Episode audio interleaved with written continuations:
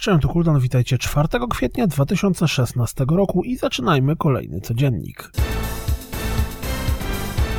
Blizzard pokazał kolejną animację związaną z Overwatch. Tak, zgadza się, musicie ją zobaczyć.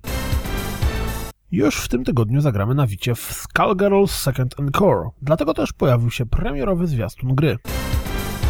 Dla odmiany w przyszłym tygodniu zadebiutuje na PC i PlayStation 4 Stories The Path of Destinies, całkiem ładnie wyglądający action RPG, który w nowym zwiastunie stara się być dodatkowo zabawny. Pojawił się kolejny zwiastun zmierzającego na PlayStation 4 remastera Valkyria Chronicles. Jak jesteśmy przy remasterach, pojawił się również kolejny zwiastun Odin's Fairlife Tracer i dalej podtrzymuje swoją opinię, że gra wygląda przepięknie. Bioshock The Collection dostało klasyfikację wiekową od ESRB, czyli oficjalny moment ogłoszenia gry chyba coraz bliżej. 7 kwietnia pojawi się Shifters, DLC do Endless Legend. Po wielu plotach The Chinese Room oficjalnie potwierdzili, że Everybody's Going to the Rapture pojawi się na PC.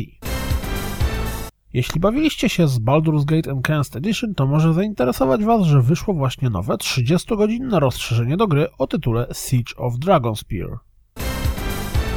Ogłoszono pełną listę gier dostępnych w ramach kwietniowego Humble Monthly. Oprócz South Park The Stick of Truth i This War of Mine jest tam również np. Nuclear Throne.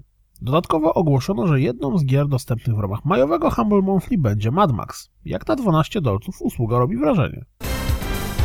Jeśli spodobało Wam się zbieranie punkcików w My Nintendo, to warto wiedzieć, że są one ważne tylko przez pół roku od momentu dodania ich do skarbonki. Także odpada zbieranie przez 5 lat punktów na notę z Yoshim.